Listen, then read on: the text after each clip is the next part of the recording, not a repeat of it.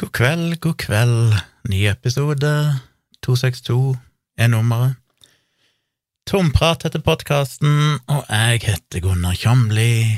Det tipper jeg 100% av dere som hører på nå, allerede visste. Men det hører jo hjemme å presentere seg sjøl, gjør det ikke det? I dag visste jeg jo ikke helt hva jeg skulle snakke om, før jeg plutselig fant mye å snakke om, så vi får ta det. Etter tur Uh, først må jeg jo si at uh, noen opplevde problemer med forrige episode av podkasten. Som jeg nevnte i forrige episode på tirsdag, så kunne det bli problemer med denne episoden. Men i mellomtida så switcha de over plattform, flytta hele podkastarkivet mitt over på en ny plattform, og de som da ikke har, som dere jo selvfølgelig bør og må, har satt opp appen deres, podkastappen, sånn at han laster ned episoden automatisk så fort han blir tilgjengelig. De som har det, vil ikke få problemer, for de fikk han jo allerede på tirsdag, før han ble flytta, og hadde en velfungerende versjon i podkastappen sin, så hos meg, for eksempel, så virker han jo helt fint. Men de som Når eh, var det? Nå er det torsdag ja, natt i dag, eller seint i går kveld, onsdag kveld, så fikk jeg melding fra et par om at eh, det var noe rart med podkasten forrige episode. Og det er nok fordi de da lasta den ned etter at han var blitt flytta, som vel skjedde natt til onsdag, tror jeg, et døgn etter la han ut. Og da fikk de den nye versjonen, henta fra den nye plattformen, og der var det visst skjedd et eller annet krøll. Nå vet jeg helt hva det var, for jeg fikk jo aldri hørt det sjøl, men det ble beskrevet litt forskjellig. Noen opplevde at reklamen spilte av korrekt, men så skippa han bare plutselig til slutten av podkasten da han kom til min. Andre beskrev det som at lyden var helt eh, ødelagt, det var sånn smurfelyd eller et eller annet sånt. Uansett, det skal nå være fiksa. Det samme gjelder problemet med Virkelig grusomt, som ikke virker på Android-telefoner. Det skal jo blitt fiksa, og jeg har nå fått bekrefta, jeg har postet inne på Facebook på Virkelig grusomt sin Facebook-side, at uh, den nå virker, for de som han ikke virka for tidligere. Så jeg håper podkastproblemene skal være over. Hvis dere fikk problemer med å høre forrige episode, så skal han altså virke nå. Kanskje dere må refreshe feeden på en eller annen måte, så han får de nyeste dataene, men jeg tror han skal bare virke av seg sjøl. Får dere det ikke til å virke, så er det ikke noe feil lenger, da er det nok bare at eh, appen deres ikke vil gi slipp på den gamle, ødelagte versjonen. Da går det alltid an å gå inn på Spotify og høre han der, den ene episoden. Selv om dere ikke har betalt abonnement på Spotify, så er han vel tilgjengelig. Kanskje dere må høre en ekstra reklame eller sånn, det vet jeg ikke, men han er iallfall tilgjengelig for alle på Spotify. Men ifra nå håper jeg at ting skal virke på ny plattform, og alt skal være bare gull og grønne skoger. Ellers har jeg sittet det siste døgnet omtrent uh, utenom jobb og utenom uh, et par andre ting jeg ikke har gjort, som jeg skal snakke om. Jeg har sittet og rydda i bildene mine. Jeg har nevnt det tidligere, jeg driver jo med foto. Og det store problemet, føler jeg, med foto er jo hvordan organiserer en bildefilene sine, for det blir jo fort ganske mange tusen bilder. Der kanskje bare 1% av de eller noe sånt er bilder han faktisk vil ha.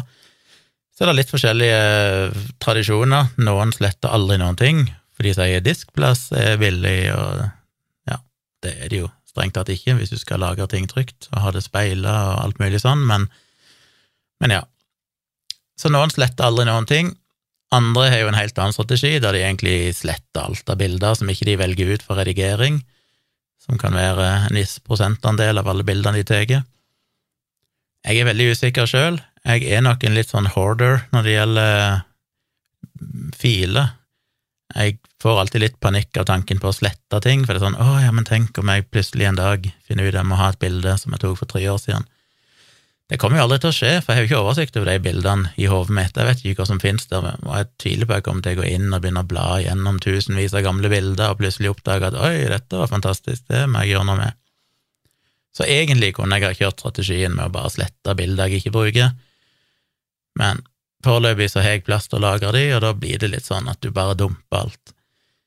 Så jeg har vært usikker. I bildeprogrammet så er det forskjellige måter du kan gjøre det på. Du kan enten, når du importerer bilder, så kan de integreres inn i en sånn katalog som i praksis bare er en Det ser ut som bare en fil, men inni den fila så er det egentlig en katalogstruktur som inneholder bildene, pluss en database med alle endringene og redigeringene du har gjort. Da får du etter hvert ei veldig stor fil på mange hundre gigabyte, og bildene blir jo på en måte låst inn i den fila til det programmet jeg bruker, som er Capture One. Eh, dermed blir de utilgjengelige hvis jeg skulle ønske å redigere de samme bildene i et annet program. For når du redigerer bildene, så endrer han jo aldri på originalfiler. Originalfiler ligger der akkurat som man kommer ut av kamera, men så bare lagrer han endringene du gjør i ei fil som egentlig bare er en sånn tekstfil, omtrent en database, som bare inneholder en oversikt over alt av justeringer. Og når du da viser bildet i programmet, så tar han på en måte originalbildet, så leser han ut alle endringene du har gjort, og så legger han dem på så det betyr at egentlig kan du ha originalfilene liggende et eller annet sted, og så kan du redigere dem med mange forskjellige programmer, for originalfilene blir aldri endra uansett. Men det kan du ikke når de blir importert inn i denne katalogfila. Så jeg Ja, så det er en én ting. En annen ting er jo at uh, jeg har jo bytta bildeprogrammer. Jeg begynte jo med Lightroom, og Lightroom er veldig bra, men Capture One har noen fordeler, uh, og så kan du betale en engangspris for Capture One hvis du vil det, mens uh, Lightroom, som er Adobe, der må du betale en månedlig kostnad, og så bla, bla. Det er mange argumenter for og mot. Jeg liker Capture One, jeg vent meg til å bruke det i det siste, siste året cirka. Så da er det jo det at jeg hadde først bildene i en veldig fin katalogstruktur inne i Lightroom, men så plutselig skal jeg bruke de i Capture One, og så drev jeg og ja, og så har jeg jo gått litt tom for diskplass, og så har jeg flytta noen filer til ekstern lagring, og så glemte jeg at det må en jo aldri gjøre. Fordi da finner jo ikke bildeprogrammet igjen disse bildene. Når du åpner et bilde som tilsynelatende fins inni Capture One, så har han bare en sånn liten preview av bildet, men selve originalfila den finner han jo ikke lenger, for den er du flytta. Så det var jo et salig kaos. Nå tenkte jeg nå må jeg bestemme meg for en måte å organisere disse bildene på. Og der kan du òg ha en lang debatt. Skal du organisere de etter år, måned, dat, dag, for eksempel? At du er en katalog for 2021, og inni der så er du en katalog for hver måned, og inni der igjen er du en katalog for hver dag. Eller skal du organisere de etter hendelse? At du gir hver mappe Dette var bilder fra gåtur på Tonstad, bilder fra eh, standup-show i Oslo, og lagre de på den måten. Det er så mange måter å gjøre det på. Så jeg har aldri blitt helt enig med meg sjøl, men nå fant jeg ut nå må jeg få rydde opp i disse bildene, nå må jeg få gjort det en gang for alle. Og jeg vil ikke ha bildene inne i katalogen, altså integrert i katalogen, for da blir de utilgjengelige for andre, så jeg ville eksportere de, så jeg fikk de i en katalogstruktur som bare eksisterer på disken og er helt uavhengig av programmet jeg bruker, og så kan jeg redigere de bildene med hvilket som helst program om en annen. Men det var jo som sagt et sammensurium. En del av bildene lå integrert i katalogen, andre bilder lå eksternt, så katalogen bare refererte til bilder på disken et eller annet sted. Og mange av de var forsvunnet, jeg hadde flytta de, så han fant ikke lenger bildene. Så jeg har jo drevet i timevis, og så er det jo så mye data, så det å drive og kopiere de mellom en ekstern SSD som jeg har her, som vel er to terabyte, og min Synology lagringsserver, et sånn NAS, Network Attached Storage, som er kobla til et gigabit eternett.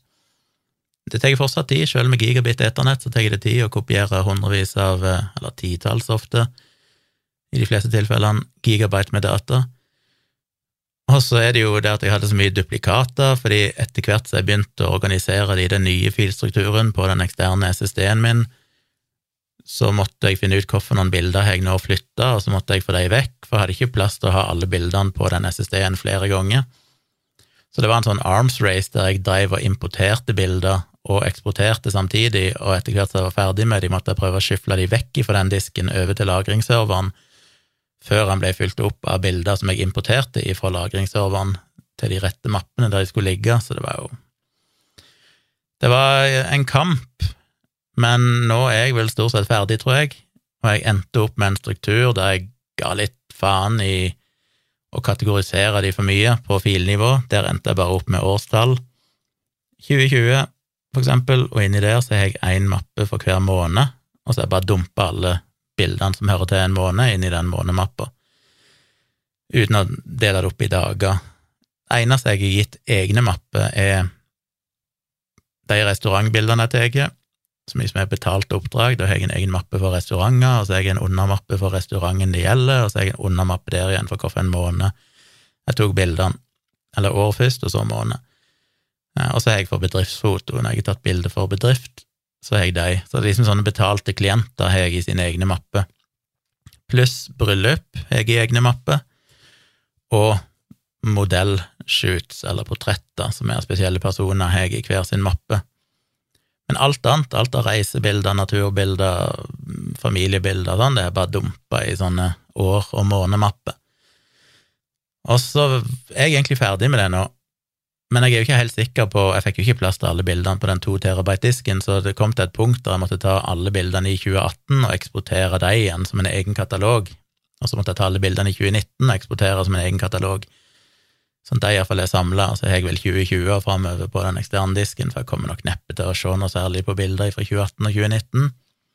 Med det første, etter en stund, så kommer jeg sikkert til å dumpe den 2020-katalogen òg til en ekstern disk, eller til den lagringsserveren, sånn at på den raske, lokale SSD-en min som er kobla rett til Mac-en, som er en sånn liten kredittkortstørrelse, holdt jeg på å si, liten ekstern disk, som er veldig kjapp, der har jeg bare de par-tre siste årene som er bilder det er aktuelt å jobbe med. Så det tar plass, og det tar tid. Jeg, nå har jeg jo et sammensurium på den eh, eksterne lagringsserveren min. Der ligger sikkert bildene lagra både to, tre, fire og fem ganger i forskjellige strukturer. For jeg var så redd for å miste noe, så jeg var heller enn å slette eller gjøre noe sånt, så bare alt jeg var usikker på om jeg hadde fra før, det bare dumpa jeg over der i en ny mappe, selv om jeg mest sannsynlig har de et eller annet annet sted. Så på et eller annet tidspunkt som jeg finner ut hva jeg skal gjøre med dem, kanskje jeg kjører har et program som heter Gemini, Gemini, Gemini, som er et sånt program som kan leide opp duplikater. Så er det mulig jeg må sette den til å tygge gjennom alle bildene mine i fotomapper på den eksterne serveren, og identifisere alle duplikater og slette dem. Uh, og så kanskje jeg bare dumpe resten i ei stor mappe, sånn at jeg bare vet at jeg har de et sted, hvis jeg noen gang skulle trenge de. Jeg får se. Akkurat nå ligger det iallfall sikkert flere hundre gigabyte med duplikater som egentlig burde vært fjerna. Men det føles godt å ha fått et slags system på det, selv om jeg på ingen slags måte er ferdig ennå. Så nærmer det seg et eller annet. I kveld var jeg og tok Mensa-testen i Kristiansand sentrum, og det var jo en uh, interessant og for så vidt oppløftende opplevelse. Fordi dere som har sett den videoen min som jeg la ut på YouTube-kanalen min, Tvilsomt med Tjomli, der la jeg ut en video der jeg tok Mensa-testen, Mensa sin hjemmetest, altså den uoffisielle, hva man skal kalle det, testen, som er mulig å ta gratis for alle. Den ligger på Mensa Norge sine hjemmesider, eh, og der kan du ta en test som gir en indikasjon på om, ja, du får jo en IQ-score og du må vel i praksis, altså Definisjonen av Mensa-medlem er jo at du er blant de to prosent med høyest IQ, eh, som vel er, så vidt jeg har skjønt, over 130, ligger vel det på nå, ish. Eh, ja, så den kan du ta. Men jeg har aldri tatt den offisielle Mensa-testen, så jeg meldte meg jo på den for en tid tilbake, for jeg så de skulle ha en i Kristiansand, så tenkte jeg ok, da, da hopper jeg i det. Kjør på, se hvordan det går. Som jeg nevnte tidligere, så har jo, det nevnte jeg vel i videoen òg, så snakka jeg for noen år siden med ei som leda Mensa bort på Østlandet, en eller annen lokallag, og hun mente jo at den testen, den offisielle testen, den var lettere enn den hjemmetesten. Eh, og det syntes jeg hørtes rart ut. Ja, han burde jo egentlig ikke være vanskeligere heller, for den saks skyld, men han burde vel være omtrent lik, tenker jeg. Den hjemmetesten på nettet, den er jo, Hvis jeg husker rett, så er det 35 spørsmål på, så jeg husker ikke om det er 20 eller 25 minutter. Men den har jeg alltid slitt litt med. Jeg sleit jo litt ekstra når jeg lagde videoen, for da satt jeg og forklarte en del av tenkinga mi, så det tok jo litt ekstra tid. Men sjøl når jeg har tatt den, jeg tok den vel sist for en, ja, mange år siden, 15 år siden, eller sånn, så tok den en gang og da òg husker jeg at jeg sleit med de siste. Når jeg kom til de fem, ja, sju-åtte siste spørsmålene, så var det sånn oi, shit, nå har jeg liksom to minutter igjen. Nå må jeg bare tippe meg gjennom resten. Eh, men allikevel så gikk det jo greit. Jeg har fått liksom rundt 131-132 når jeg har tatt den hjemmetesten. Så jeg var spent på denne offisielle testen, så jeg kom nå der, begynte klokka seks. Kom inn i et rom inne på rådhuset der nede i kjelleren, og jeg var vel den siste som kom, tror jeg, selv om jeg var ute i god tid alltid litt sånn pinlig å komme inn i et rom der alle sitter helt stille, det sitter en mann framme med pulten, det var som å komme inn i et klasserom. Så var det pulter der, og der satt det vel sju-åtte personer fra før, klar, og så kom jeg inn, måtte registrere meg, bare ta en pult som var ledig, Satte meg selvfølgelig bakerst, som jeg alltid har gjort hele mitt liv, så det var en ledig pult. Og så var det litt om og men og styr og litt informasjon etter hvert, uh, kjapt. Uh, måtte noen gå og tisse, så måtte de gjøre det nå, for når de starter, så er det ikke lov å snakke, det er ikke lov å gå ut og sånn. Denne testen var 45 spørsmål, altså 10 mer enn hjemmetesten, på 20 minutter. Så det skulle en jo tro da tilsa at dette er en del vanskeligere. Så jeg var spent. Vi fikk et hefte som du ikke skulle skrive i, der det var én oppgave per side, og alle oppgavene var av samme typen som på den hjemmetesten. Det var liksom et rutenett med, med ni felt, der det er åtte figurer, altså ett tomt felt, og så skal du finne ut hva er det, hva for en figur skal i det siste feltet. Så du må finne et eller annet system, da. Så det var alle oppgavene, 45 oppgaver med det på 20 minutter. Det jeg har lært meg Jeg er nok glad jeg tok den IQ-testen på videoen en gang, for det jeg lærte der, er at du må stole på deg sjøl. Du må ikke bruke tid på å tvile på de første. Du kan liksom ikke sitte sånn 'jeg må være dobbeltsjekka', fordi da går du tom for tid. Så det var nok ganske flink til her. Så når vi satte i gang, så hadde vi 20 minutter på oss. Eh, vi fikk et eget ark da, der alle disse 45 Det var 45 linjer der det sto A, B, C, D, E, F og du skulle da velge figur A, B, C, D, E eller F, som var den rette figuren som skulle inn i det tomme feltet, og så bare sette en sirkel rundt A, B, C, D, E, F eh, nedover. Så det var bare å kjøre på, og jeg bestemte meg for å bare gå raskt til verks. Etter hvert med en gang jeg følte at ok, nå vet jeg det, så bare sirkler jeg inn den rette bokstaven og gikk videre til neste. For Det føles jo som at du er god tid i starten, for de første er ganske enkle, så jeg tenker sånn, ja, dette går jo lett, men heldigvis så vet jeg jo da at uh, dette blir vanskeligere, og hvis ikke jeg er rask nå, så får jeg ikke tid til å tenke på slutten. Så jeg følte det gikk eh, greit, og i motsetning til hjemmetesten så hadde jeg tid til å gjøre alle akkurat. Det vil si, den siste var jo vanskeligere, så jeg satt jo og tenkte en stund på den, nummer 45. Og så sa han da var tida ute, og da måtte jeg bare sirkle en av alternativene som jeg vel hadde en magefølelse på. Men jeg, følte det gikk virkelig bra. Jeg følte definitivt at det var lettere enn hjemmetesten. På hjemmetesten så har jeg tippa ganske mye. Det vil si, siden jeg scora ganske høyt, så har jeg nok hatt en slags magefølelse, holdt jeg på å si. Det er et eller annet som resonnerer som at ja, det føles som at det må være den, selv om jeg kanskje ikke helt kan sette ord på hvorfor det skal være akkurat den figuren. Men her følte jeg at jeg stort sett hadde kontroll på alle 45. Um, det var kanskje to-tre jeg var litt sånn Her er jeg ikke helt sikker, men jeg er ganske overbevist om at dette er svaret. Og på den aller siste, som sagt, så skulle jeg gjerne hatt 20 sekunder til. Hadde jeg hatt 20 sekunder til, så hadde jeg nok følt meg tryggere på den. Men det tenker jeg må være et godt tegn hvis hjemmetesten har vært vanskelig, og jeg stort sett har bare klikka random på de fem, seks, sju, åtte siste, mens denne følte jeg at jeg faktisk fant svaret på alle. Um, så vil det overraske meg om ikke det gikk veldig bra, altså. Så jeg er spent. Jeg har jo ikke fått fasiten, for den får vi i posten, og fortsatt så skjønner jeg ikke helt hvorfor, fordi det er vel egentlig bare to variabler her. Det ene er hvor mange har du svart rett på, og det andre er hvor gammel er du.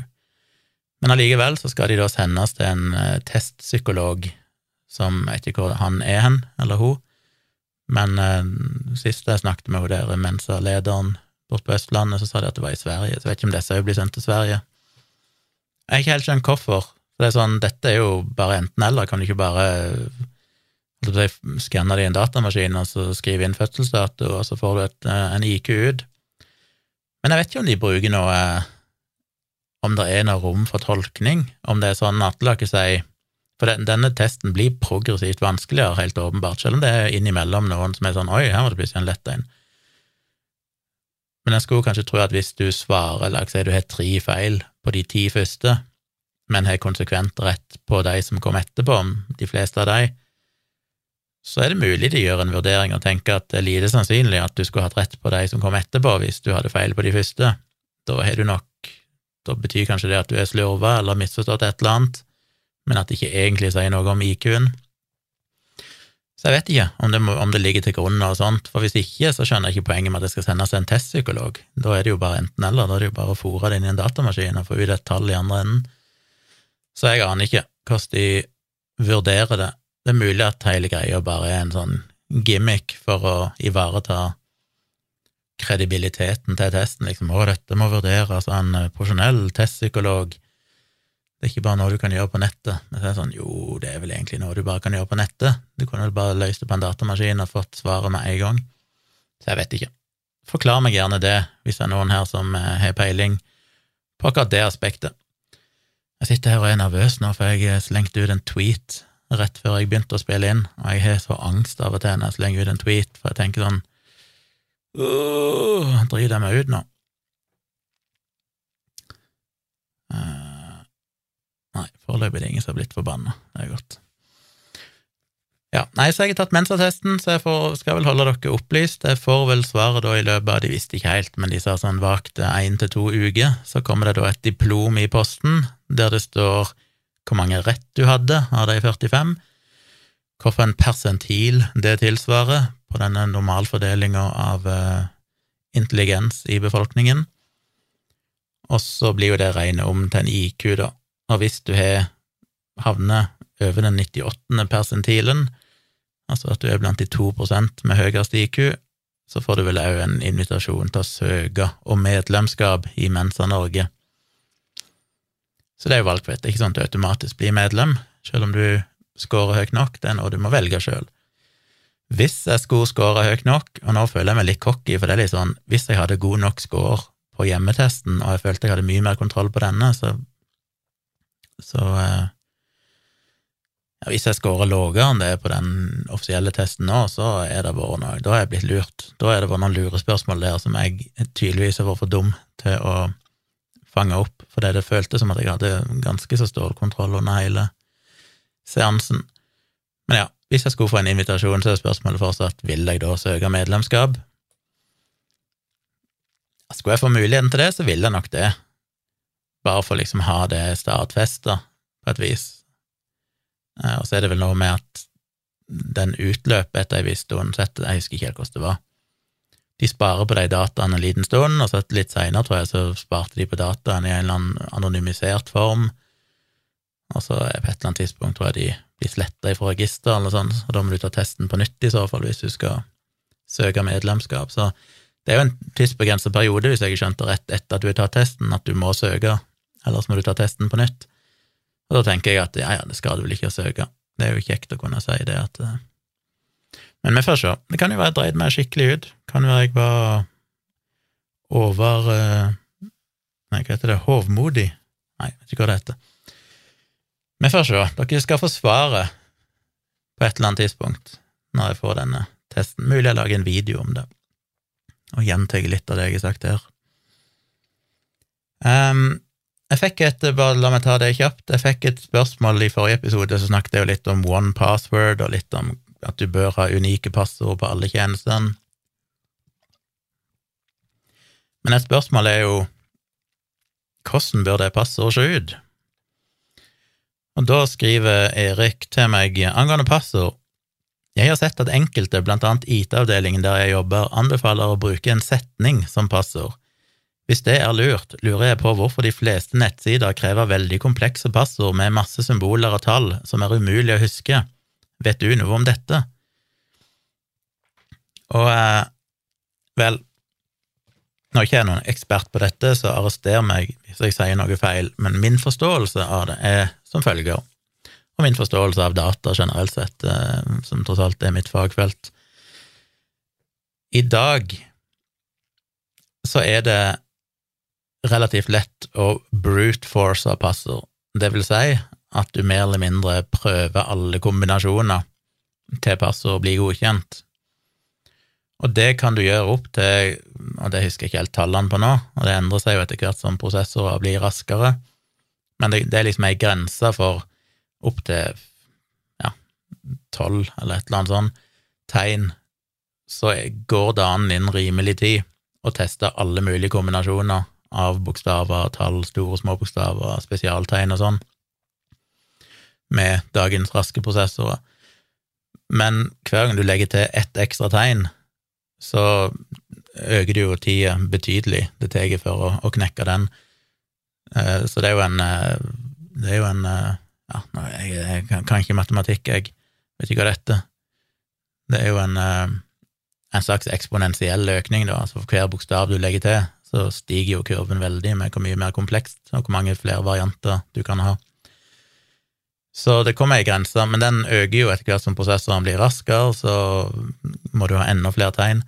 Så jeg har vel lagt meg på ei linje, ut ifra noe jeg leste for lenge siden, at er det tolv eller noe sånt, som er sånn minimum, egentlig, som er Men jeg legger vel ofte passordene mine på rundt 16 eller noe sånt tegn, for da er du fortsatt så langt over at sånn, det er nesten umulig å brute force de, altså bare teste alle kombinasjoner, det vil rett og slett ta for lang tid til at det er praktisk mulig. Selvfølgelig så er det jo som regel mekanismer for å hindre dette, for eksempel at hvis du prøver tre kombinasjoner og har feil, så må du vente i 20 minutter eller sånn før du kan prøve på nytt, og det gjør jo at det blir praktisk alt umulig å pløye gjennom alle. Hvis det fungerer, så er det jo selvfølgelig ofte sikkerhetshull og måter de klarer å omgå det på, sånn at du ikke blir stoppa etter tre feil forsøk, og dermed kan egentlig bare teste uendelig mye, og sånn. Så, det, så lengde er viktig.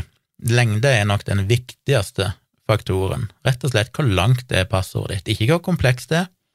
Teknisk sett så kan du ha 16 AA etter hverandre, AAAAAA, og det vil være et relativt godt passord, bortsett fra at hvis du tråler gjennom alle kombinasjoner, så er kanskje det den første kombinasjonen som blir prøvd, alle AA, og en 16 AA, så neste du prøver er 15 AA og en B, 15 AA og en C, helt til du kommer til Å, for eksempel, eller tallene pluss spesialtegn, og så går du videre til 14A, 1B og en A igjen, 14A, 1B og en B, og stråler gjennom sånn fra slutten eller i forbindelsen. Så det kan være det ikke er det lureste. Um, så lengde har veldig mye å, si, mer enn egentlig innholdet av passordet. Og så er det jo da den anbefalingen som Erik sier, at det er bedre å bruke en setning, og det er nettopp derfor. For en setning er lang. Det er bedre å ha 'ja, vi elsker dette landet' som et passord.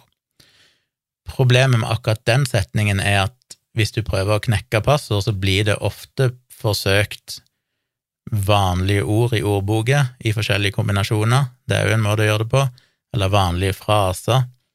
Så sånn som 'ja, vi elsker dette landet', det kan være det er en frase som blir testa ganske fort, fordi det er noe som kanskje mange velger å bruke, for det er lett å huske. Så derfor er det ikke spesielt lurt å bruke ting som, er, som gir mening, på en måte. En setning som er en kjent setning i dagligtalen, det er nok ikke så lurt. Selv om han er mange tegn, for at du kan istedenfor bare brute force på rein og rotere gjennom alle mulige tegn og sånn, så kan du jo teste bare å sette sammen ord i, eller bruke kjente fraser for å se om det funker. Eh, så derfor er jo anbefalingen eh, Og la meg bare si det, så derfor er jo ikke kompleks, kompleksiteten så mye å si. Om du har åtte tegn, sånn som var vanlig i gamle dager, at passord må være minst åtte tegn, og ha store og små bokstaver, og minst ett tall, og minst ett spesialtegn. Det er sånn, det er ikke noe å si, en datamaskin driter i det. Hvis du brute force og bare tråler gjennom alle kombinasjoner, så, så, så treffer du det òg, før eller seinere. Så åtte tegn med det vil gå noenlunde raskt å gjøre i alle kombinasjoner. Eh, så det er jo en veldig sånn utdatert strategi. Nå sier han at de fleste nettsider krever veldig komplekse passord med masse symboler og tall som er umulig å huske, og det er jo egentlig stikkordet her, for det at passord skal jo være praktisk å bruke, du må jo tenke menneskelig psykologi.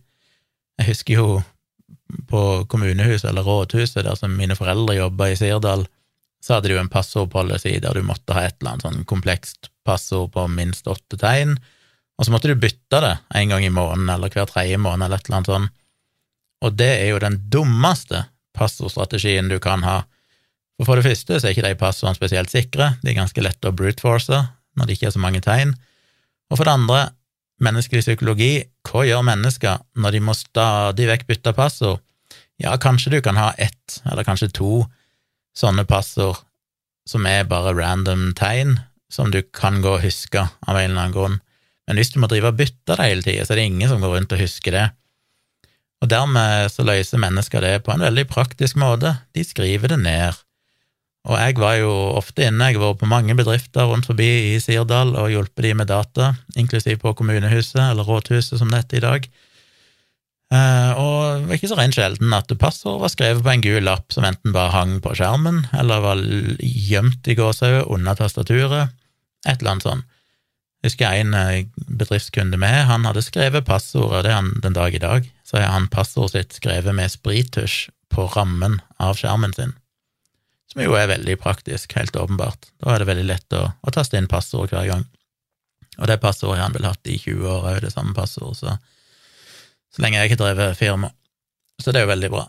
Men det er jo der en ender opp når en eh, påfører mennesker med alle sine svakheter den type krav som er helt umulig for et vanlig menneske å, å, å holde seg til. Du kan ikke gå rundt og bytte passord jevnlig og ha et random passord med tilfeldige tegn, og så huske det ikke skrive det ned noen plass.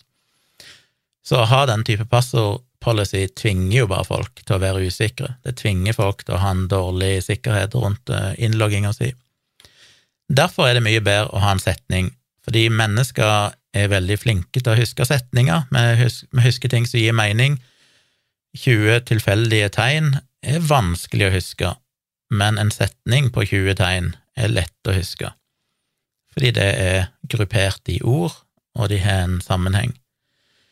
Men som jeg sa, kjente setninger er kanskje ikke så lurt, for da kan du fort teste det. Så hva er den beste passordstrategien? Vel, det er rett og slett å ha en setning, altså gjerne ha en fire-fem ord, som gjør at du kommer opp i en 16-20 tegn totalt, noe sånt. Men minst ett av ordene må være et ord som egentlig ikke finnes i ordboka, som er tilfeldig, Eh, kanskje du har et eller annet uttrykk som du og dine venner har brukt, et sånt tulleord som ikke fins, eh, et eller annet sånn, så bruk gjerne et par ord, eller tre, som er vanlige ord, kanskje, som er lette å huske. Putt inn iallfall ett tulleord, og, og nå igjen ser jeg jo helt vekk fra den praksisen med å faktisk ha tilfeldige passord, det skal jeg komme tilbake til, men la ikke si du velger å lage dine egne passord så er det lurt å ha én ulikhet i alle passordene, noe som er unikt for akkurat den tjenesten. Så la ikke si du logger inn på Facebook, så lager du en setning som inneholder tre, fire, fem ord helst, så du kommer opp i en, en 16 tegn eller mer. Ett av de ordene minst bør være et tulleord som ikke finnes i ordboka, så ikke de kan bruke sånn dictionary attack, at de bare pløyer gjennom alle ord i ordlista og setter de sammen på forskjellige måter. Og så bør du ha et eller annet som identifiserer Facebook, eller som gjør det unikt. Kanskje du putter inn eh, FB og et årstall. Du har to vanlige ord, ett tulleord, og så har du FB 2021. Mens på Twitter så er du det samme, bare at du har Twitter 2021.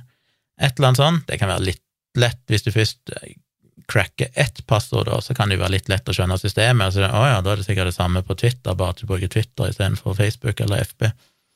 Men poenget er at du må ha et eller annet system som gjør den tjenesten, som gjør det passordet unikt. Og følger du en sånn strategi, så har du et ganske sikkert passord. Det er langt. Du kan ikke brute force det bare med å gå gjennom alle bokstavkombinasjoner.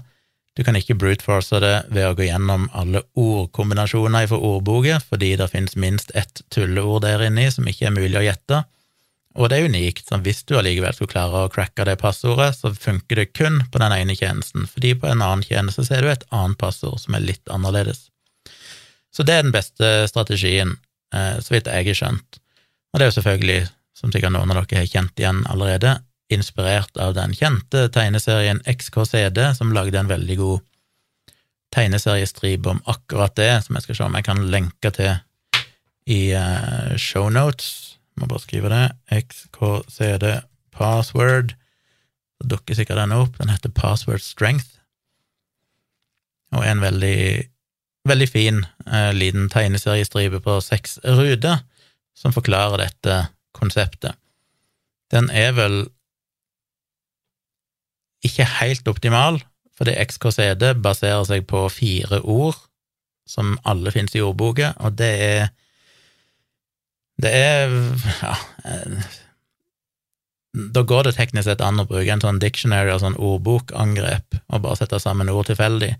Det er mulig det blir for mange ordkombinasjoner, det gjør det nok til at du vil klare det gjennom ren brute forcing innenfor rimelig tid. Det tror jeg nok ikke det er mulig å gjøre, det vil sannsynligvis ta kanskje noen milliarder år, men allikevel så vil jeg vil heve sikkerheten enda et hakk hvis ett av ordene faktisk ikke finnes i ordboka, og hvis du i tillegg da har en unik liten variant som knytter det spesifikt til den ene tjenesten du bruker, sånn at ikke de er like på tvers.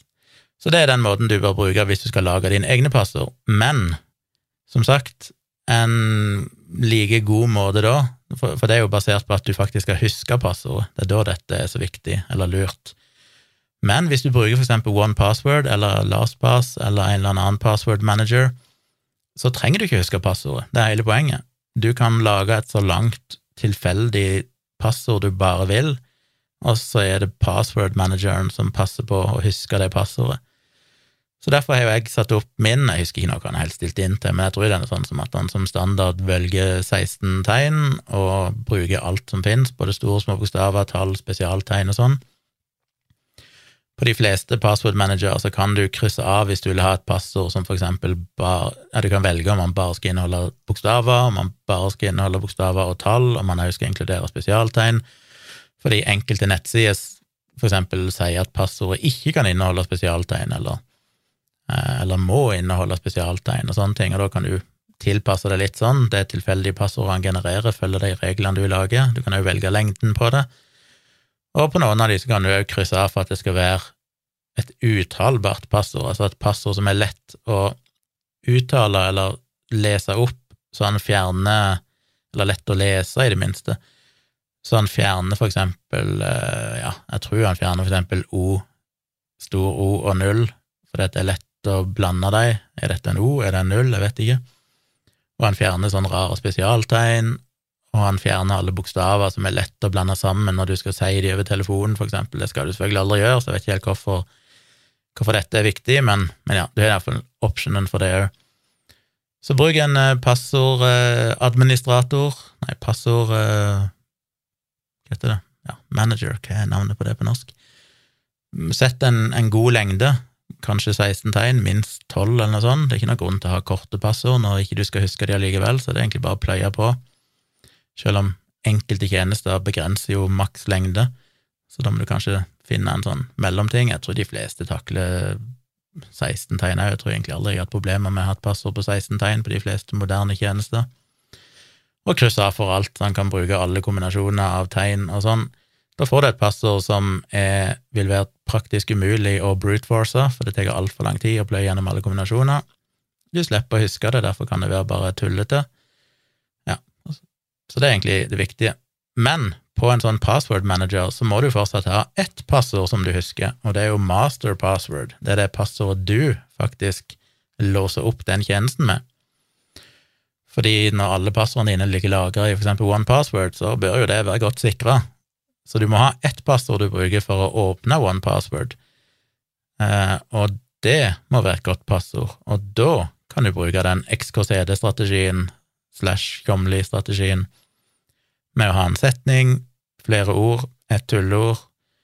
Um, Ja, der trenger du for så vidt ikke nødvendigvis å ha noe som identifiserer det til one password, hvis du vet at det er stort sett bare der du bruker det. Men iallfall langt for det må du faktisk huske, så da bør du velge deg et eller annet begrep. Så det var mine passordråd. Ja, hvis du jobber en plass der de sier du må bytte passord jevnlig, så sier fuck you til de. Det er det dummeste dere kan gjøre. Da sørger du effektivt for at vi får en veldig dårlig sikkerhet her på huset. Det var nok om passord. Jeg må ta en liten rant. Jeg sa jo i forrige episode tror jeg, at jeg skulle gå gjennom apper som jeg bruker. Jeg får utsette det litt, for eh, nå må jeg snakke om noen andre ting. Jeg eh, Jeg får se. Nei, jeg tror ikke jeg rekker det. Jeg så eh, Jeg kom hjem fra mensatest. Vi, vi kjørte ned. Vi kombinerte mensattesten med at vi må lære hunden vår Kyla og være hos noen andre. Fordi det hender jo at vi må reise vekk uten hund, og da trenger vi noen barnepassere. Så min eks og min datter de bor jo her i nærheten, det var derfor vi flytta her til. De bor i, i Kristiansand. Så vi må vende hunden til å være der, og ikke minst venne de til å ha hunden, sånn at de føler seg trygge på at det går greit å ha hunden der. Så vi reiser der, satt en times tid og drakk kaffe med hunden, og så reiste vi ifra hunden, så Kyla skulle være igjen hos deg for å lære seg litt til og, og bli vant med å være der. Og så dro vi ned, jeg gikk på mensattest, eh, Tone satt og venta på Starbucks i mellomtida, og etter jeg var ferdig med den, så fant vi ut vi skulle gå og spise. Og Det er første gang vi har hatt muligheten til å gå ut og spise her i Kristiansand etter vi flytta, fordi vi har jo alltid hatt hunden, det var vanskelig å vite hva vi skal gjøre av hunden. Nå hadde det gått helt greit, hunden har vært alene mange timer hjemme før, så hvis hun er hjemme i huset, så kunne vi selvfølgelig forlatt henne, så det er ikke egentlig det, men, men eh, nå var det iallfall en gyllen anledning, siden hunden skulle være hos noen andre. Så vi gikk på Monsoon Sushi, nei, ikke hva dette Monsoon et eller annet, som er en plass med asiatisk mat, blant annet, eh, ja, primært vel sushi, men litt andre ting òg. Spiste der, og det var helt ok, trivelig, komme seg vekk litt, eh, bare chille, spise god mat. Og så kjørte vi opp etterpå og, eh, og henta hunden igjen og ble sittende en god stund og prata med dattera mi og eksen min, og det var trivelig. Og så kom jeg hjem, så begynte jeg å deale litt med bildene her igjen og rydde i bildefiler, og mens eh, ting drev og kopierte og sånn, så kikka jeg litt på Twitter, og da så jeg at å ja, det har vært en transdebatt på Debatten på NRK. Og jeg så litt sånn tweets om det, og tenkte at eh, ok, nå sitter datamaskinen her og kopierer, det tar bortimot en time, la meg bruke den tida på å se den debatten. Skjønner meg, ikke ofte jeg ser debatten på NRK, men en sjelden gang så får jeg med meg det. Hvis det er et tema som er interessant, og da ser jeg det jo bare på. På nett-TV så jeg bare åpna NRK i nettleseren her og satt og kikka på det i kontorstolen min. Og det var jammen meg jeg, jeg blir altså så frustrert av å se den debatten nå var det jo Nå starta det jo vel på den ene sida, så hadde du Nå fikk jeg med meg etternavnet, men Alexander et eller annet, som er en transmann. Etter hvert kom òg Kristina Jentoft inn, som er en transkvinne. Og så hadde du Anette Trettebergstuen via Zoom eller Skype eller et eller annet sånt. Og de tre var vel på en måte på den ene sida av debatten. På den andre sida så hadde du Jenny Klinge, som vel er Senterpartipolitiker. Du hadde ei som jeg ikke husker hva egentlig var, hvem hun representerte, men hun ble frem, presentert som feminist. Kristina Ellingsen. Etter hvert kom òg en eh, ja, Nå fikk jeg ikke med meg navnet hans, det var en evolusjonsbiolog som òg kom inn, og så etter hvert bytta han plass med, med Espen Ottosen, som er han der i Indremisjonen, eller Misjonssambandet, eller et eller annet kristen dude, som jeg stort sett er uenig med i det aller meste.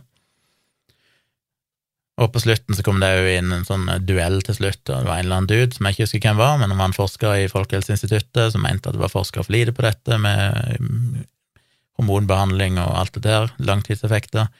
Og ei som heter Anne Være, tror jeg, som var fra Nasjonalt behandlingssenter for kjønnsinkongruens, hvis jeg husker alt dette riktig. Men jeg var ikke så opptatt av de siste, de var ikke så interessante. Det interessante var den første delen av debatten, fordi ja, dette blir rodete, bare, det er bare etter hukommelsen og et par notater jeg gjorde meg underveis, men han evolusjonsbiologen, han, han, var, han er jo deltatt i debatten med noe debattinnlegg i aviser, visstnok iallfall én eller flere. Og han måtte engasjere seg, sa han, fordi han begynte å bli irritert, tror jeg, på at han så folk innenfor sitt eget fagfelt, altså biologer og sånn, som begynte å snakke om kjønn som noe du kunne velge sjøl, eller noe som ikke var nødvendigvis i går så er det biologisk bestemt. Og så argumenterer han for det på en sånn måte med at det er så viktig at vi liksom vitenskapelig sett og som forskere så har vi disse begrepene, og dette handler til syvende og sist om liv, og vi kan liksom ikke forstå evolusjon og liv og, og, det som skjer i naturen uten å akseptere at det bare finnes to biologiske kjønn, det er liksom hele fundamentet her. Men jeg, jeg klarer ikke å forstå den debatten, fordi det er jo ikke enten-eller. Det er jo ikke sånn at hvis vi aksepterer at det òg finnes mennesker som identifiserer seg som noe annet enn det kjønnscellene tilsier, så kan ikke han lenger gjøre jobben sin. Igjen så må jeg jo komme til homofili-analogien. Det er sånn, ja, men hvis du har mannlige kjønnsceller, så må du like kvinner, fordi i naturen, som er jo hele poenget, at du skal forplante deg, det er jo derfor vi blir tiltrukket av det motsatte kjønn. Så hvis vi aksepterer at noen kan bli tiltrukket til sitt eget kjønn, som de jo ikke kan få unger med, så kan ikke jeg gjøre jobben min lenger. Da rakner alt, da kan vi ikke lenger forstå naturen. Og det er sånn, ja, det argumenter, sånn argumenterte sikkert folk for 50 år siden. Da var sikkert det et sentralt argument, at dette strider mot naturen. Vi vet i naturen at uh, du må ha en av hvert kjønn for å lage barn, Derfor så må vi tviholde på det, for ellers så bare rakner alt. For meg blir jo det en veldig sånn religiøs tilnærming, nesten, denne ideen om at hvis vi forstyrrer med det etablerte, så rakner hele fundamentet i samfunnet. Da kan vi ikke lenger fungere. Da, da liksom mister vi fotfestet på et vis. Er sånn, vi er mer komplekse enn det. Dette er intelligente folk, dette er forskere, med en høy og lang utdannelse innenfor biologi, jeg er helt sikker på at de helt fint klarer å håndtere at ja, du må ha de to biologiske kjønnene for å reprodusere, og allikevel så har det ingenting med hvordan disse dyrene, for den saks skyld, vi får ikke spurt dyrene, det kan godt være det er dyr òg som føler seg som et annet kjønn, det er jeg helt sikker på at det faktisk er. Eh, vi klarer helt sikkert å forholde dere til det som å ja, nå mista jeg tråden, men iallfall, dere skjønner hva jeg vil hen. Og så er det jo dette med at, som jeg nevnte litt i siste rant om dette, hvorfor aksepterer vi i denne debatten at vi reduserer mennesker til kjønnsceller på to bein? Altså, vi gjør jo ikke det noen annen plass i verden, i debattene. Hvorfor anerkjenner vi ikke at vi har en hjerne? Hjernen er eksepsjonelt mye mer kompleks enn de ganske så primitive kjønnscellene, som er kanskje binære, eller som er binære, selv om det finnes med sjeldne unntak noen varianter av det. Hvorfor anerkjenner vi ikke det? For, for meg blir det sånn Dette er sånn det er fra naturens side, derfor må det være sånn. Og det blir jo akkurat det samme argumentet som enkelte rasister bruker for at det er naturlig biologisk å være skeptiske til folk som ser annerledes ut. Derfor er det viktig å holde rene raser. Et land, et kultur, må holde seg rent. Vi må ikke blande inn andre, fordi det skaper problemer. Det er vanskelig for noen å forholde seg til det, og derfor er det viktig at vi respekterer det, og, og stopper all innvandring, ikke tillater at folk av forskjellig etnisk bakgrunn kan få barn. Og igjen, dette er jo heller ikke fantasier, dette er jo sånn det var i store deler av eh, verden, og er det for så vidt ennå enkelte plasser, eh, fram til relativt moderne tid. Du skal jo tross alt ikke Altså, første halvdel av 1900-tallet så var jo dette mer eller mindre uakseptabelt i Og til og med, jeg vet ikke om det var ulovlig, men ikke spesielt uh, akseptert at en hvit og en svart fikk unger sammen eller gifta seg. Det er jo fascinerende at det er bare snakk om noen tiår der det har vært godkjent, og til og med i dag så er det problematisk for mange, til og med i Norge. Selv om de aller fleste nordmenn i dag ikke hever et øyenbryn over det, så er det jo fortsatt folk som sliter litt med det. Men det er en sånn idé om at fordi du kan finne et eller annet biologisk argument for at eh, vi har et eller annet sånt eh, primitivt instinkt i oss, så må vi akseptere at vi må redusere oss sjøl til det primitive instinktet. Samme med voldtekt. Ja, vi kunne jo like godt sagt at som evolusjonsbiolog så er det klart at eh, en mann må kunne voldta dame for å reprodusere seg sjøl. Det er jo hele poenget med å leve. Vi ønsker å spre genene våre mest mulig. Altså, hvis vi skal snakke om en mening med livet, så er det kun én mening, en biologisk mening med livet, og det er jo å spre sine kjønnsceller. Og hvis det innebærer at du må voldta, ja, so be it. Det er jo tross alt den mest naturlige instinktet vi burde ha. Og så har vi jo en hjerne, da, og vi har moral, og vi har empati, og vi har litt mer komplekse følelser enn akkurat de mest primitive, reproduktive instinktene. Derfor så aksepterer vi ikke voldtekt. Vi aksepterer andre sin rett til å ikke ha sex med deg hvis ikke de vil det. Um, og igjen, homofili. Det, blir det samme der òg. Det er jo naturstridig, fordi bare se på kjønnscellene. Selvfølgelig skal en mann måtte forelske seg i og bli seksuelt opphissa av en kvinne. En cis-kvinne, fordi hvis ikke så funker jo ingenting i naturen. Da reproduserer vi oss ikke, og da kan ikke evolusjonsbiologene lenger gjøre jobben sin, for da blir de så forvirra at det vil være helt klin umulig å kunne forske videre innenfor biologi. Jeg fatter ikke at det i det hele tatt skal være en del av debatten. Så idiotisk er det. Så kommer Jenny Klinge og hun feministen Kristina eh, Ellingsen, og jeg sier ikke feminist på noen negativ måte, jeg anser meg sjøl som feminist, og generelt sett er 100% på lag med feministisk kamp, bortsett fra TERFs, transeksklusive, radikale feminister, som da bruker som argument at det vil på en måte være et tilbakesteg for kvinners rettigheter, alt det de kjemper seg til, for de har masse lover og beskyttelse nå som skal beskytte kvinner nettopp for å bli diskriminert og, og bli utsatt for alt det vonde menn kan gjøre mot kvinner, som jo er viktig, og som er en viktig kamp, og der vi ikke er i mål ennå, selv om vi er veldig nærme mål ja, et, Kanskje ikke definere et mål engang, men vi er kommet langt, for å si det mildt. Så ja, jeg er 100% for det, men det er vanskelig å forstå hva kvinner mister ved at vi skulle akseptere at noen som er født som menn, velger å kalle seg kvinne, identifisere seg som kvinne, er kvinne etter alt det de føler og opplever i verden. Igjen så kan du jo bruke homokampen, da. Det jeg, jeg, klarer ikke å se at skulle en liksom ha kjempa imot homofile og si at nei, men uh, vi kan ikke tillate at menn skal kunne forelske seg i menn og sex med menn, fordi at det er det jo kvinner som skal. Det vil være et angrep på kvinners rettigheter hvis òg menn kan forelske seg i menn, for det er det bare kvinner som kan, det er jo naturlig, og det vil frata oss potensielle partnere. Jeg vet ikke. Det, det, er et eller annet med at ja, men dette har jo faktisk ikke noen negativ effekt for dere. Dette er ikke et problem. De mennene som eventuelt ender opp med en annen mann, ville ikke hatt deg som kvinne uansett, så slapp helt av. Og for meg så er det jo praktisk talt det, det jeg følte jeg satt og hørte på gjennom hele den debatten, var en ren analogi til rasisme.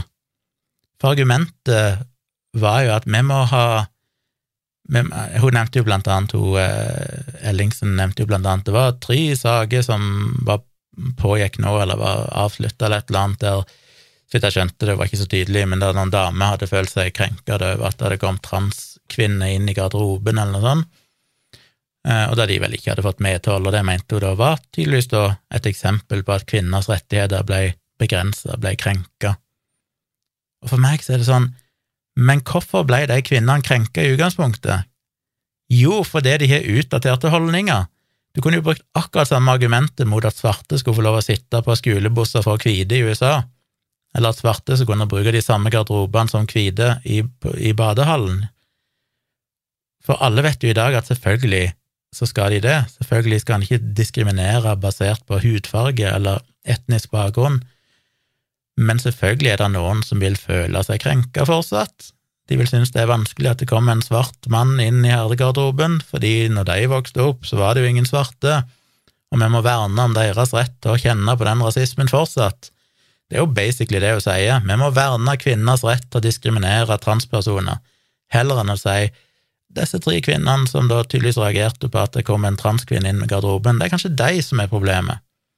Vi skal ikke kjempe for å ivareta deres irrasjonelle frykt. Fordi igjen, det blir jo òg som rasisme, de har vel en frykt da med at å ja, hvis det er en transkvinne som kommer inn, så er nok dette en voldtektsforbryter. Jeg føler meg ikke trygg. Akkurat det samme som rasister som tenker at hvis det kommer en svart person inn på, på bussen, så er nok dette potensielt en terrorist, og, og, jeg kan ikke føle meg trygg, derfor er det best å ikke slippe svarte inn på bussen. Jeg tror til og med Klingekatter kaller det for at for det går jo igjen med alle sånn ja, men vi skal anerkjenne, selvfølgelig respekterer jeg hvis du har lyst til å føle deg som en kvinne, men er født som mann, og du, vi skal gjøre livet best mulig for deg, alt mulig sånn, men så er det alltid dette her mennet, da, som igjen er jo akkurat det samme som er ikke rasist, men fordi dette mennet er jo alt, fordi du kan ikke både si at du ønsker at transpersoner skal ha det best mulig og de samme rettighetene som alle andre, men samtidig tviholde på at men vi må se på dere som underlegne, annerledes, unormale, et eller annet. Vi kan ikke helt anerkjenne at dere er kvinner, selv om du kaller deg en kvinne. Vi skal være snille med deg for all del, men vi kan ikke egentlig anerkjenne det, sånn nudge, nudge, wink, wink. Vi, vi er liksom politisk korrekte, men egentlig så er jo ikke dette greit. Det er jo det hun sier. Og hun klarte vel til og med å hevde at det var at det ville være diskriminerende overfor de som mente at det finnes bare to biologiske kjønn, hvis ikke det skulle være lov å si det lenger. Det ville være en innskrenking av ytringsfriheten deres. Igjen rasismeanalogien. Noen vil si at ja, men vi har alltid sagt neger, derfor må vi få lov å si neger. Hvis dere nekter dere å si neger, så er det diskriminerende overfor oss som mener at det burde være greit. Og det er en innskrenking av ytringsfriheten som er sånn fuck you! Det, det, det er ikke sånn verden fungerer. Hvis du virkelig mener at du ønsker å gjøre livet best mulig for en transperson, og du skal være snill med dem, og du, alt det der, så, så kan du ikke Igjen, med rasismeanalogien, du kan ikke si jo da, det er greit at det, det er noen svarte her i landet, men jeg, jeg vil kalle dem for det jeg vil, for det er det som er naturlig for meg. Hvis ikke jeg får lov å si det, så er det et angrep på min ytringsfrihet. Jeg skjønner ikke at ikke de ser at dette er akkurat det samme. En av de, jeg husker ikke om det var Klinge eller hun eh, Ellingsen, som sa et eller annet med at liksom, det er så viktig med ordene vi bruker, de har makt, og hvis vi endrer ordene vi bruker, så endrer vi også samfunnet. Yes, for fucking sake, det er jo hele poenget, men vi ønsker jo å gjøre samfunnet bedre for flest mulig, derfor så endrer vi ordene, fordi det endrer også samfunnet, det endrer holdninger.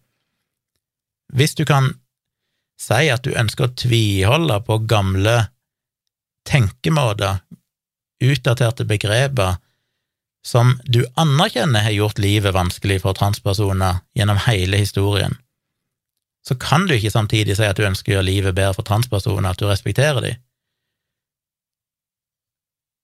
Fordi nettopp bruk av de ordene har ført til en tankegang som har skapt et samfunn som ikke har vært spesielt optimalt for transpersoner. Så ja, selvfølgelig har det en betydning at vi endrer ord og begrepsbruk, og selvfølgelig endrer det holdninger av samfunnet, men det er the fucking point. Det er nettopp der vi vil. Og disse reaksjonære menneskene som tviholder på at ja, men jeg har jo alltid sagt sånn, og jeg har alltid følt sånn, derfor kan ikke dere ta det ifra meg. Get with the times. Du må oppdatere deg. Det er du som er problemet.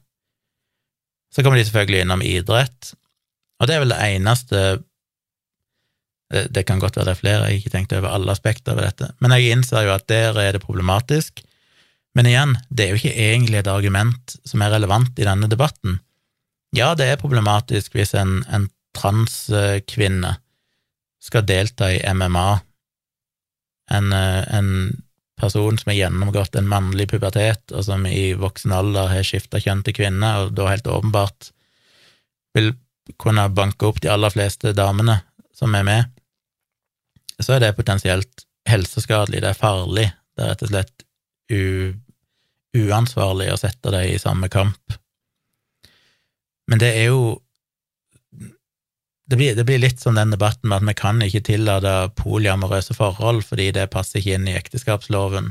Men sånn, ja, men da, det klarer vi helt sikkert å håndtere. Det går, an, det går an å lage kontrakter og avtaler. Vi er oppegående mennesker, vi klarer nok å finne en løsning på dette. Det betyr ikke at dermed er helt utenkelig at det skal gå an å ha en annen konstellasjon i ekteskapet enn bare mann og kvinne. Igjen homokampen. Det er sånn, ja, men det er jo alltid vår mann og kvinne, og hva skal vi gjøre hvis det er to menn, hvordan skal vi håndtere barns rettigheter da? Vi klarte å løse det. Når vi bare la godviljen til, så klarte vi det. Det klarer vi helt sikkert med idrett òg. Jeg har vel tidligere meint at dette burde kunne løses for eksempel med at en heller enn å se på kjønn, ser på i går så vektklasse. Jeg har jo aldri helt skjønt hvorfor en må absolutt skille på kjønn, hvorfor en ikke heller ser på folk som har kvalifisert seg og er omtrent på samme nivå, at de kjemper imot hverandre. Det må vel òg bli mer spennende. Da er det ikke nødvendigvis noen som alltid utklasser alle andre, men du vil ha folk som stort sett er ganske like, til å konkurrere mot hverandre. jeg mener det må finnes løsninger på dette her òg. Um, ja. Og så klarte vel òg Jenny Klinge å si noe sånn om at dette med ord og begrepsbruk, at, det, at det var problematisk at en, at en brukte Ja, hun kom inn på dette her med, med chest milk. Du skulle ikke kalle det brystmelk lenger, du skulle kalle det, eller breast milk, skulle hete chest milk, for det, det å si breast milk var på en måte diskriminerende, fordi da var det liksom bare kvinner som kunne amme, men en transmann kan jo teknisk sett amme, eh, og derfor skulle det hete chest milk. Og så var det problematisk med cis, at de liksom la til dette ekstra ordet cis, og det var, dette var da eksempler på hvordan vi endra ord, endra ord og begreper, men det, ja, det kunne ikke ha det sånn som det var før. Igjen så må jeg jo gå tilbake til N-ordet. Det, sånn, det blir akkurat det samme. Vi ikke akseptere at verden går framover. Det er faktisk grupper som aldri har blitt hensyntatt, som vi nå faktisk prøver å ta hensyn til, som vi tilpasser oss, rett og slett, der det er et fryktelig lite offer for oss å endre begrepsbruk, men det betyr mye for de det faktisk gjelder. Eh, og jeg tror ikke helt Når du sier det med sist, og jeg er jo skyldig der, jeg òg, det skal ikke som mer enn tre år tilbake i tid, for jeg hadde litt av samme holdningen sjøl, og sånn sist, det høres jævla potensiøst ut. Det er liksom en sånn markør for å vise hvor woke du er. Og så skjønte jeg at nei, det er det jo faktisk ikke. Cis er jo faktisk et ord som har en helt relevant betydning, akkurat som at alle At begrepet um, heterofil var jo ikke et ord som egentlig var relevant før i tida, fordi det var ingen som tenkte at det var homofile. Men først når en begynte å anerkjenne at å ja, det er noen som er homofile, da måtte en plutselig ha et ord som var motsetningen til det som var alle andre, og da måtte en begynne å snakke om heterofile. Akkurat det samme nå når en begynte å anerkjenne at det finnes folk som er transpersoner, så trenger en et motstykke til det, som da blir cis. Så det er jo ikke noe sånn Det er jo ikke et ord Det er ikke et, er ikke et ord som bare noen har valgt å bruke for å være politisk korrekt eller woke, det er et ord som faktisk er en veldig, veldig viktig praktisk betydning for å gjøre språk forståelig. Det er et verktøy i det verktøyskrinet som, som språket vårt er. Eh, hvis ikke du anerkjenner cis som et begrep, så må du gå i deg sjøl og tenke ja, men hvorfor trenger vi å kalle noen for heterofile? Jo, fordi det finnes homofile.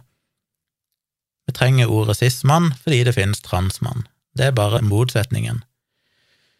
Um, ja. Så jeg, jeg, blir bare For meg hadde jeg bare den rasismeanalogien. Jeg bare følte at du kunne ha, ha bytta ut så mye av det de sa, med en debatt om rasisme, og du hadde sett umiddelbart hvordan Ellingsen og Ottosen og, og Klinge og de bare fremsto som folk fra 1890 som argumenterte imot at svarte skulle få lov å drikke fra den samme fontenen som hvite. Alle, alle argumentene de brukte, er direkte overførbare til den debatten der. De bare skjønner det ikke nå. Og for meg så er det så flaut, for det er litt sånn Men folkens, vi vet at om ti år, 20 år iallfall, eh, så er ikke dette en stor debatt lenger. Vær nå på rett side av historien. Dere er jo de som kjemper imot homofiles rettigheter for 50 år siden. Det er akkurat de personene dere er, og det kommer til å være jævlig flaut om 50 år å innse at dere var den personen.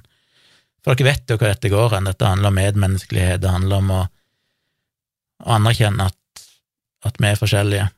Vi ønsker å gjøre verden til et best mulig sted, og vi er ikke så enkle at vi ikke klarer å ivareta kvinners rettigheter samtidig som vi anerkjenner at òg transkvinner skal ha de samme rettighetene. Vi er ikke så enkle at ikke vi kan forske på biologi og evolusjon, og samtidig anerkjenne at hjernen òg spiller en faktor, at etter befruktningen er skjedd, så er det faktisk en hjerne som utvikler seg, og den må vi òg anerkjenne. Den òg har en, en ganske så viktig funksjon i naturen, vil jeg jo tro. Og det er jo rart at en evolusjonsbiolog totalt avviser at hjernen betyr noe oppi dette her. Um, hadde jeg noe mer å si om det? Ja, jeg må vel kanskje avslutte med å bare si at det drøyeste er jo når da Kristine Ellingsen, som vel prøvde å være noenlunde politisk korrekt, holdt jeg på å si, i løpet av debatten, eh, så glapp det for henne helt på slutten da hun sa til Kristina Jentoft, som jo fikk et barn mens hun ennå kalte seg mann, og så skifter hun til kvinne og kaller seg nå mor for det barnet.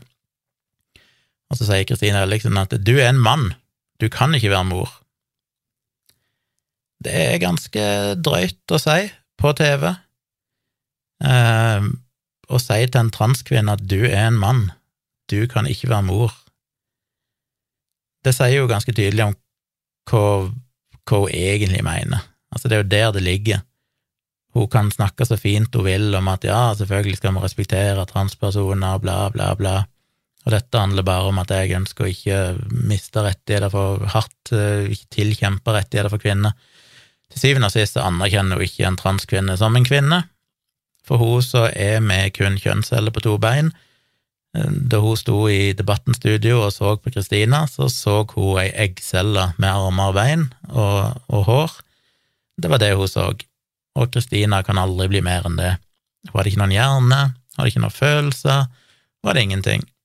Det var en kjønnscelle som definerer hun som person, og sånn er det med alle mennesker. Vi kan aldri bli mer enn det. Fuck you, Kristina Ellingsen. Det er drøyt. Vet ikke om det blir en reaksjon på det. Det er jo, sånn, det er jo nesten som å, å, å, si noe dypt rasistisk på TV, så burde kanskje noen fulgt opp det med en eller annen form for reaksjon, men, men vi får se hva som skjer. Så det var noen av mine tanker om den debatten.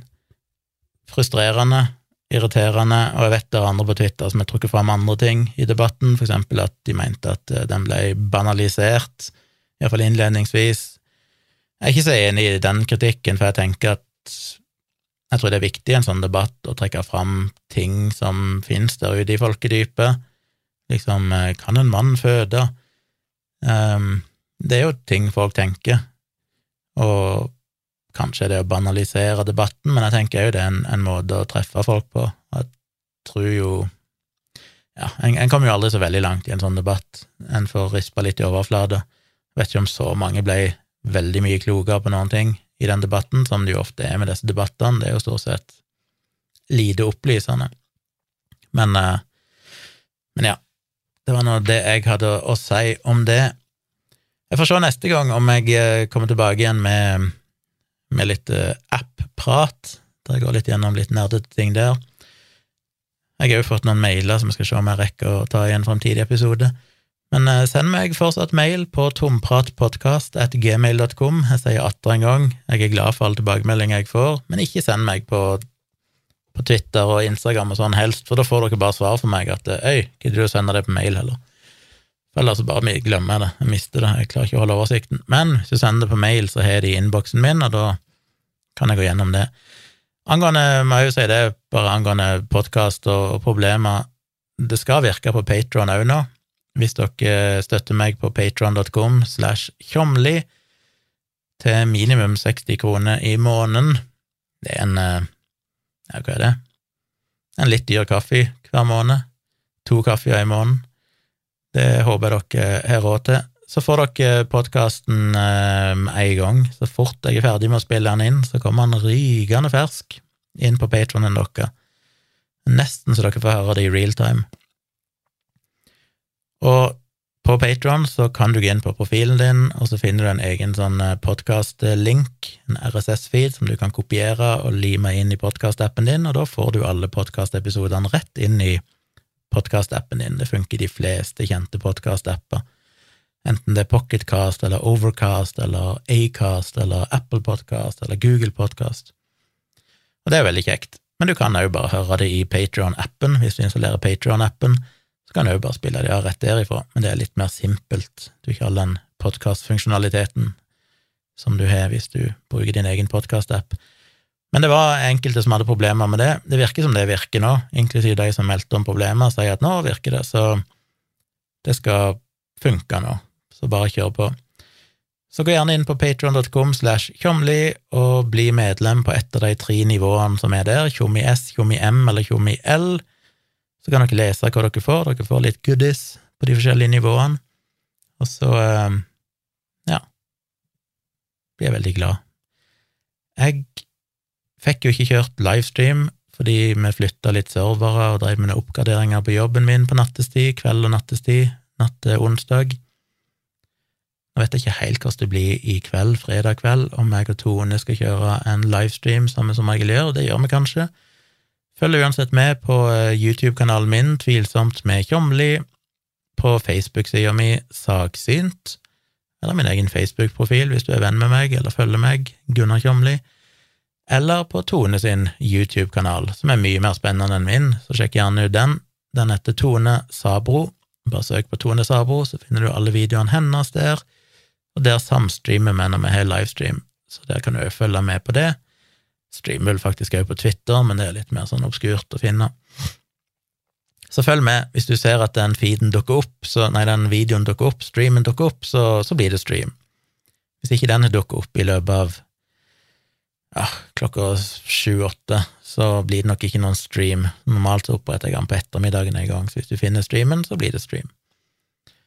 Eh, hvis ikke det blir stream, så kan det være jeg tar en eh, egen stream for å kompensere, enten i tillegg til en ærlig talt, som jeg og Tone kaller vår samstream, eller istedenfor den, hvis ikke vi gidder å gjøre det sammen. Vi får se.